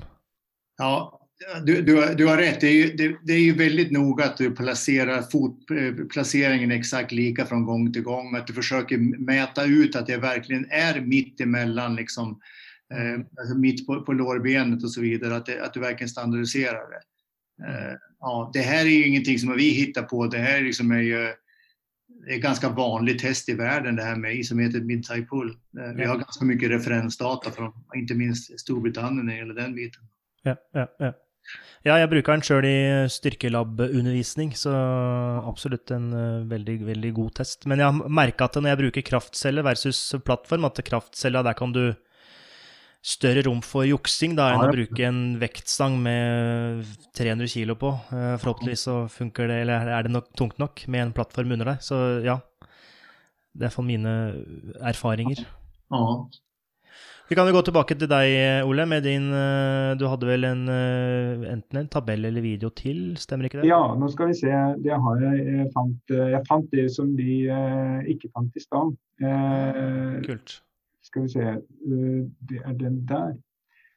Hvor det ble gjort noen eh, målinger på eh, skøyting. Mm. hvor vi har implementert våre algoritmer. Da. Og her ser vi, som Håkan nevnte, at det ser ganske annerledes ut i forhold til, til sprint. For det første så er jo det, Her kaller vi da kontakttida Istedenfor kontakttid kaller vi for glide time. Ja, vi ser at den er vesentlig lenger. Hvis vi gikk tilbake og så på tilsvarende kontakttid for sprinteren, så er, eh, så er det her 303 ligger godt over 300 millisekunder og 400 kanskje. Mm. Og så har vi da dobbel support time. Mm. Det vil også si egentlig negativ flytid. Altså, no, no, begge skøytene er i, i, i, isen samtidig. Eh, og så har vi da glide length, altså hvor langt hvert skøytetak er, glidlengde, mm. og hvor langt dobbel support også du har begge skøytene i bakken da, i hvert steg. Hvor langt er det? Denne eh, glide-lengten, dette er både altså det er høyre, venstre andre gang, Jant? Ja. Burde venstre og høyre fot være like, ja, se der, være like lang? Altså, så kan man si noe om asymmetri her? Ja, vi, nå, asymmetrien som vi har lagt opp her, det går på glide length. Men dette her er sånn prøving og feiling. Jeg vet ikke om det er riktig, riktig parameter å sjekke det på. Men det, det trenger vi litt mer erfaring. Men foreløpig så er den der imbalance det er altså forskjellen mellom glide length høyre og venstre i den tabellen her. Ah, eh, så, så vi, vi, trenger å lære litt mer. og og nå heldigvis da, så, så, er vi jo i sving med å skal prøve å få validert dette og se om vi er, eh, om vi er på rett eh, spor. Jeg tror vi er på rett spor, men hvor, hvor, ja, hvor riktig er det? Mm. Her har vi jo to ulike utøvere som eh, Håkan har gjort målinger på. Eh, og de har litt forskjellig eh, frekvens, bl.a. 3,3, 3,2. Hvor mye var det på han andre? 3, ja, det var ikke så langt unna det. Bare lengden som var forskjellig. Ja, framförallt längden. Ja, längden, mm. glide ja. om, du, om du tittar längst upp, du, här kan du ju bocka i. Okej, okay, vi vill, det här är hela accelerationsfasen. Du skulle kunna bocka i att vi vill leta fyra skritt i toppfart och så kan du titta lite längre upp då så får du ju, då har du ju average data. Alltså där har du ju, du ser, ser en, det har ju both ja. left och right och average då. Mm, mm, ser du ju glide längs till exempel, medelglide längs är ju betydligt kortare än på, på höger än vänster. Ja. Men frekvensen är lika. Och det där är ju, okej, okay, var det här ett unikt fynd? Eller är det någonting som det alltid är på det sättet? Mm. Vi, vi, har testat några andra idrotter liksom nu. Vi har testat lite grann med, med stavhoppare som verkar ha en imbalans mellan vänster och höger. Ah. Och det kanske är en, en, en, en en del utav deras sport. De springer hela tiden med en, en stav som gör att liksom man, man utvecklar liksom en, en viss asymmetri. Det behöver inte vara att man är skadad liksom eller något, utan det är kroppens anpassning till, till grenen. Men vi har för lite data där också. Så vi ämnar väl försöka samla in lite mer data, kanske försöka, eh, kan man säga, entusiasmera någon forskningsmiljö. Liksom. Jag tycker det här det är otroligt spännande faktiskt. Och det, med den här tekniken som är så enkel, liksom, så man kan göra så mycket olika saker, inte bara jag som tränare utan i forskningsmiljöer också, så att vi förstår våra grenar på ett bättre sätt. I ishockey och, och bandy, vill eh, siden man har eh, kölla på ha något att säga? Alltså fattning? Vi, vi vet inte. Kanske Riktigt. kan hända. Ja, det kan hända. Ja, ja, inte omöjligt. Ja. Det man kan säga om bandy och ishockey, liksom, bandy, eh, de rör sig ju de rör sig på en, på en match ungefär två mil rör som det. Och sen det som är lite speciellt och den stora skillnaden mot ishockey, att i ishockey är det ju väldigt korta, korta insatser, korta mm. accelerationer, man står och glider. Mm. Band är ju en helt annan sport och hastigheten är mycket, mycket högre. Alltså topphastigheten, om du låter dem verkligen komma upp, den är ju närmare 50 kilometer i timmen. Och då förstår man ju varför det är förbjudet med, med tacklingar i bandy. De skulle ju dö om de krockar, två, två personer i 50. Det går ju inte. I ishockey så är det betydligt lägre, liksom. det blir lite mjukare kontakter då. Så att, eh, och det här är, det här, säger man, det, det är klart att i bandy också, precis som ishockey, change of direction är liksom en, en, viktig parameter. Men det här är precis som, som linjär sprint. Vi börjar med det här. Vi, försöker, vi undersöker liksom steget i lin, linjärt. Sen kan man gå vidare och titta på andra parametrar. Man kan inte blanda in mm. för mycket på en gång. Och det är väl, mm. det är väl, det, det, det, alltså man ska, skulle kunna kritisera det här projektet och säga att det är mycket liksom change of direction. Men är det så att vi, om vi testar nu, ambitionen är att testa kanske 60 manliga bandespelare och, och, nästan lika många kvinnor, ser vi att det finns ett stort samband mellan max, alltså maximal skatehastighet och prestation, så är det klart det är intressant. Mm. Och finns det då karaktäristiska skillnader mellan de som åker fort och långsamt i kinematisk data så är det också intressant. Mm. Och sen måste man ju koppla då den här datan mot, mot uh, vad vi ser liksom, såklart. Vi, vi måste ju göra rörelseanalyser också. Det här är på något sätt en början och, och jag vet att det är väldigt lite gjort sånt här så det känns också väldigt spännande. Mm, mm, mm. Kult. Yeah, Matthew, we are ready for uh, the video if you found it. It took a long time because there's a lot of content on, on Instagram. so let me know if this is the right one. Um, Is this the right video? Yes, we have one of them. Yeah. yeah. It's, got... uh, you know, this an, det här är en gammal benpressmaskin som ingen använder så att vi, vi plockar bort egentligen eh, loadstacken och satt dit en kraftcenter istället. Då. Och eh, ja. ja. de, alltså de är fruktansvärt starka. Ni ser ju talen där uppe. Ni ser upp mot, ser ni talet var det slutar någonstans? 800 kilo. I, i, jag tror att alltså, vinkeln är ungefär 110 grader i, i knäleden. Ja. Otroligt. Då kan man ju undra liksom, om, om den maximala liksom, styrkan, alltså maximala förmågan att producera kraft i det här läget är så hög.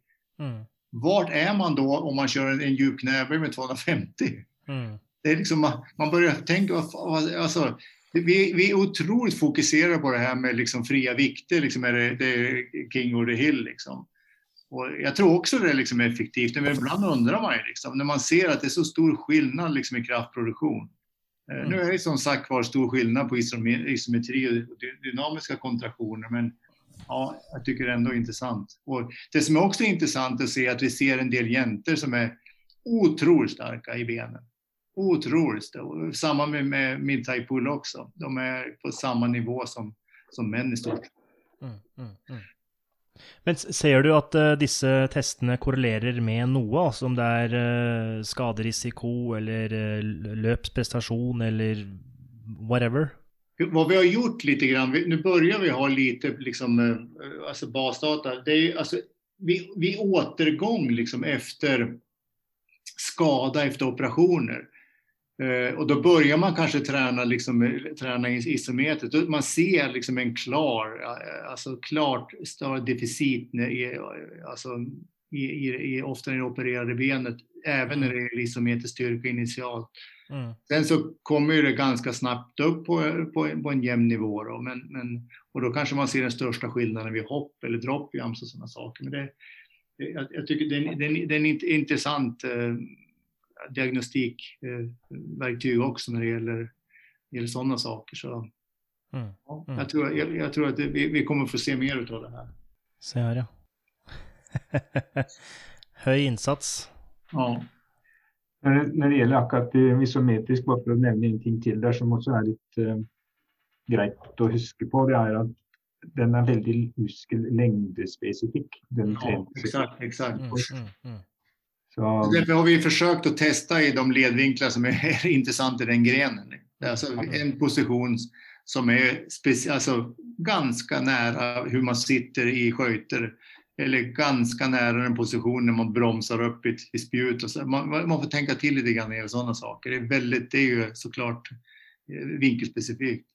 Jag har litt lyst til å vise fram en liten uh, ting til. Ja. I forbindelse med som vi har snakket om nå, litt grann, sånn change of direction og litt sånt. Jeg ble gjort oppmerksom på en nylig publikasjon som kom ut, som heter uh, 'Measuring Maximum Horizontal Deceleration Ability'. Uh, I det tilfellet her så har de brukt en radar, og det er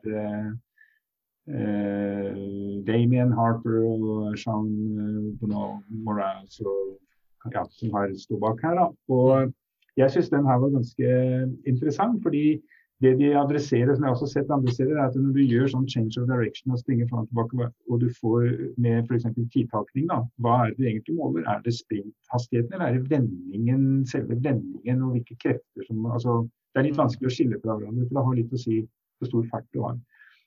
Så her har vi gjort en test da, basert på den uh, publikasjonen her, hvor de samler en haug med parametere som uh, blir uh, eh, beregna når man gjør uh, en test. Og den testen den går ut på som følger. Man starter med å springe fra 0 til, til 20 meter. Man skal springe så fort man kan til 20 meter. Og så skal man bremse så fort man kan. Stoppe. Mm. Helt til stopp. Grunnen til at det er 20 meter, er at uh, man når ikke helt makshastighet uh, der, men man kommer ganske høyt opp. Man får en, en, en, en topp, ganske nær topphastighet for veldig mange. Og så blir da bremseeffekten beregna fra topphastigheten. Ikke fra 20-metersmerket, men fra topphastigheten som du faktisk oppnådde. Mm. Så, så, om du begynner å bremse på 18 eller 22 meter, det har lite å si. Mm. Mm. Eh, og Da beregner vi da hvilken effekt du utvikler i bremsefasen. Det er den parameteren som kommer ut her som er mest pålitelig. Og eh, I det tilfellet her så har vi brukt laser, men vi kan også bruke dynospill. Mm. Eh, da, og det, som var greit, er at vi allerede hadde hele cover-kurven. Den lå jo inne, så det var egentlig bare å gjøre noen enkle beregninger og putte ut i en rapport. Men her er også da et uh, typisk eksempel. En som uh, sprinter opp, og så er uh, vendepunktet her går over til negativ effekt da, ved oppbremsing. Og så ser vi da Og så la vi inn en til som ikke står i den publikasjonen. Uh, nemlig den Visa, visa skjermen, Ole. Har jeg ikke gjort det? Nei. Nei. nei. Men det har vært gode beskrivelser, så vi har skjønt uh, hva du har uh, prøvd å vise oss. Men uh... Da viser jeg en gang til altså den publikasjonen som vi snakker om. da. Dere ja. ser den nå, eller? Ja, ja, ja. ja.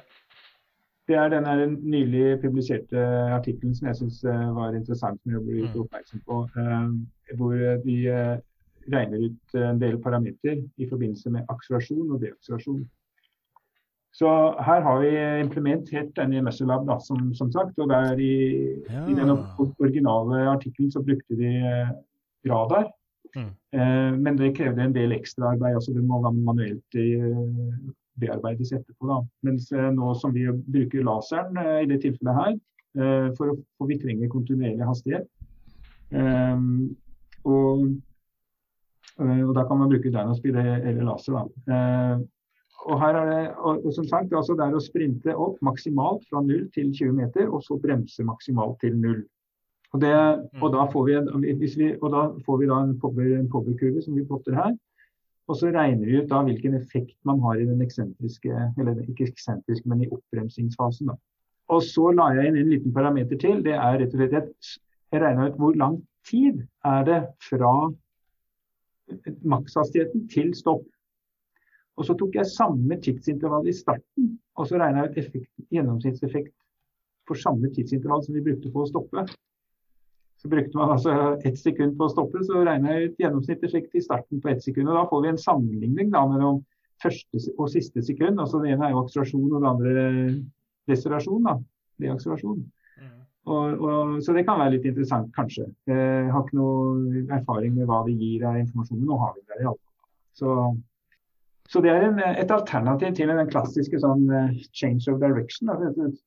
For da får man jo både akselerasjon og deakselerasjon på en, eh, på en grei måte som er validert og virker ganske pålitelig. Mm, mm. reproduserbarhet.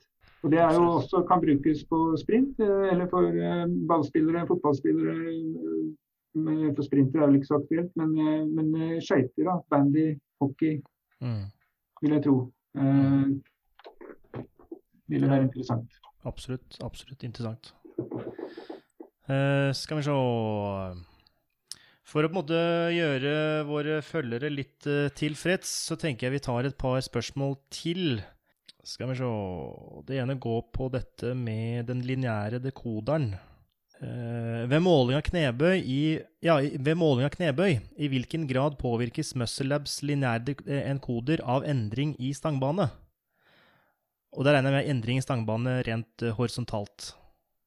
Ja, det som er Eh, altså det, det, er klart å bli påvirka, men man kan regne ut den vinkelen og se hvor mye, den, hvor mye de utgjør. Eh, og Det har jeg gjort masse beregninger på den gangen vi lagde den, tilbake rundt 95 sånt, når vi kom med den snora. Mm. Eh, det ut at det var i grunnen litt bortkasta tid å sitte og regne på det der. fordi når jeg så på hvordan de løfta, så gjorde de det samme hver gang. Så den snora den sto nikken litt fram, bevega seg litt i horisontalplanet, så gjorde den det med, altså til, eh, altså med, tilsvarende vekt. Da. Hvis du kjørte med én vekt flere ganger, så var det veldig likt. Mm. Det som er mer vil jeg si, utfordring, det er når du endrer belastning. Så kan det hende at de endrer litt teknikk for å få den vekta opp når det blir mm. tyngre. Og kanskje bruke litt andre muskelgrupper og gjøre ting på en litt annen måte. Og det er mye større innvirkning eh, på resultatet enn eh, at den vinkelen, eh, eller at det beveger seg litt i resultatet. Ja. Det er helt marginalt hvor mye det utgjør den andre. Den har jeg ikke sett der. Mm, mm, mm. Um, skal vi se Tenker jeg vi tar et uh, sprintspørsmål. Uh, ja. Hvor mange drag med sprint for maksimalt utbytte? Hvor lenge skal dragene vare? Jeg, jeg kan ikke svare på en sånn spørsmål, egentlig. For det er det er et spørsmål hvor langt det er tau-aktig spørsmål. ja, ja, precis. Det, är, det är lite grann, alltså man ska, man, ska man vara liksom generell så kan man ju säga att man blir bra på det man gör. Liksom. Uh, och det är lite grann som man jämför med, med ballett eller gymnastik. Men de, de tränar ju rörelser uh, många, många timmar liksom, för att liksom, utöva det till perfektion. Mm. Sprint är ju liksom, det är en väldigt, det är en basal gren på ett sätt liksom, och, och, tekniken är väldigt svår att förändra. Men är det så att man vill förändra teknik så måste det ske med ganska stor volym. Så jag tror inte mycket på det här konceptet att varje gång när man ska träna snabbhet så är det maximalt. Jag tror däremot att går det ner något liksom, när det gäller intensiteten, kanske ner mot 95 kanske ännu något lägre, så liknar det sprint, maximal sprint väldigt mycket och du kan göra väldigt stora volymer. Mm, mm. Uh, och jag tror också att man ska försöka följa det konceptet man försöker utveckla uh, snabbhet, att man försöker göra det i ganska utvilat tillstånd. Liksom. Annars blir det, trötthetspåverkan är heller inte så positivt när det gäller teknik. Så att jag, jag, tror att man ska försöka träna ganska omfångsrikt utan att däremot att man går över liksom gränsen. Att det, var det, också, det är en det är en ganska tuff sysselsättning det här med sprint. Det är, väl, det är stort slitage liksom, så är det. Mm. Och framförallt kanske vi då i Norden som springer hela tiden, eller kanske åtta månader per år är vi inomhus och springer på hårda gummibanor. Mm. Det, det, är ett problem i sig, liksom, det här med, med skadeproblematiken. Som man kanske inte har på samma sätt om man bedriver, bedriver sprint i Kalifornien, eller Florida eller Australien där man kan springa mycket på gräs. Mm. Så att, eh, man kan, men man kan aldrig säga egentligen den mängden. Utan jag tror, alltså det, vara tränare, det, det är ju ganska mycket ett hantverk. Och jag tror inte man kanske ska alltid ska planera liksom för rigitt exakt liksom hur, många, hur många meter med viss intensitet. Utan man måste också liksom bestämma när man står där på plats. Hur ser det ut? Vilken feedback får jag? Mm, mm. Både kanske när det gäller feedback från, från utövaren, från vad jag ser. Kanske om man har liksom de här systemen som vi har pratat om snart en och en halv timme. Liksom, och så försöka göra en summa. Liksom, och, och Alltså det, det, handlar ju lite grann också om att ibland så är vi lite dum vi. Vi försöker hela tiden att se hur mycket kan vi träna innan vi går sönder. Mm. Och det, är, det, är, det är ganska få som försöker se hur lite kan man träna och ändå bli bra. Och då säger vissa, säger, ja men så kan man ju inte säga. Men det handlar ju inte om att vara lat. Det handlar inte om att göra väldigt, väldigt lite, utan det handlar kanske om att försöka vara på den säkra sidan. Mm. För att om man, I syvende och sist så handlar det ju ofta väldigt om den som, den som vinner ett mästerskap när de intervjuar dem och så frågar de anledning. Varför har det gått så bra nu då? Ja, jag har fått, fått vara skadefri, säger de. Mm, mm, Nästan mm, alltid ja. det handlar om i vår idrott. Ja. Inte några enstaka superpass liksom, utan att mala på från mm, dag till dag. Mm. Och, och, jag tror ibland så kanske vi, vi, om jag säger att vi bör träna sprint i stort omfång, ibland kanske det blir att vi kanske för mycket jagar meter jag tror att vi tränare måste bli lite bättre på det där och försöka bromsa i tid. Eh, ja, om jag, ja, jag kan inte säga exakt hur mycket man ska springa och hur, hur, hur många meter och när man ska göra och så vidare, utan det, det är en del av hantverket. Det. Mm, mm, absolut, absolut.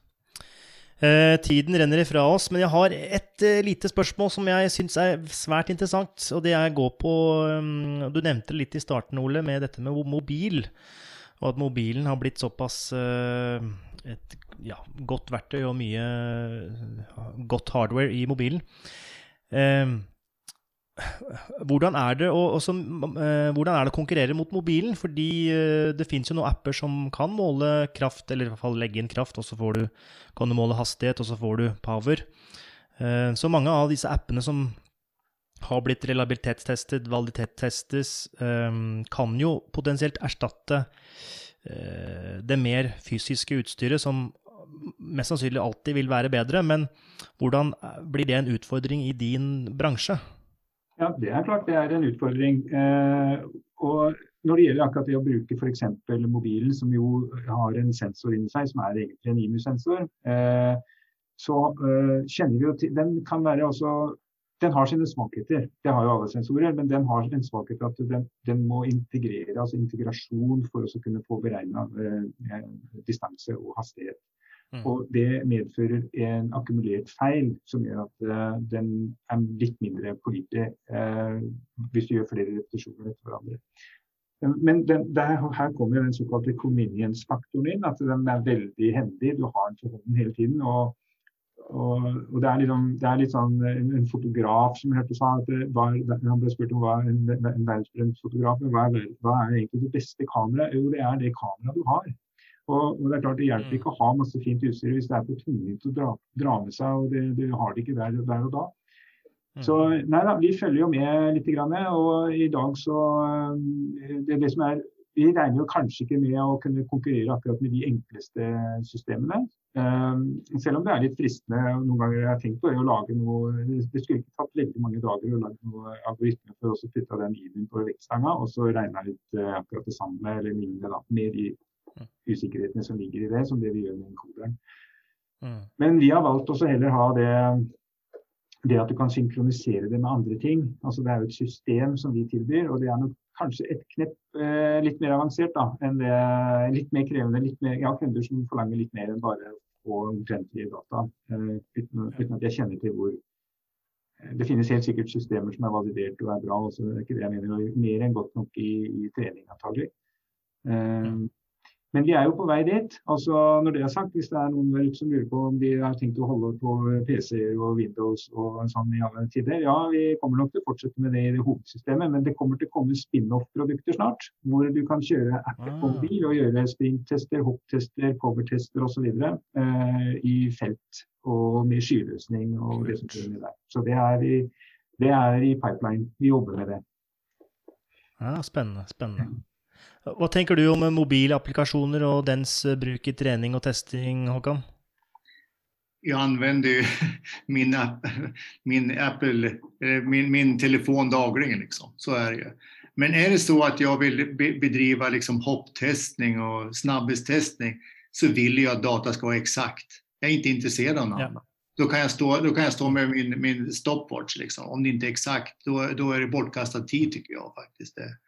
Och som, som, det finns ju jättemånga sådana här sensorer på marknaden liksom nu när det gäller, som Olle säger, med IMU-sensorer fästa på skivstängerna och sådär. Men det är mycket problem med det där och det känns inte som det är riktigt eh, är på den nivå som jag vill att det ska vara. Så att jag fortsätter nog med min encoder ett tag till.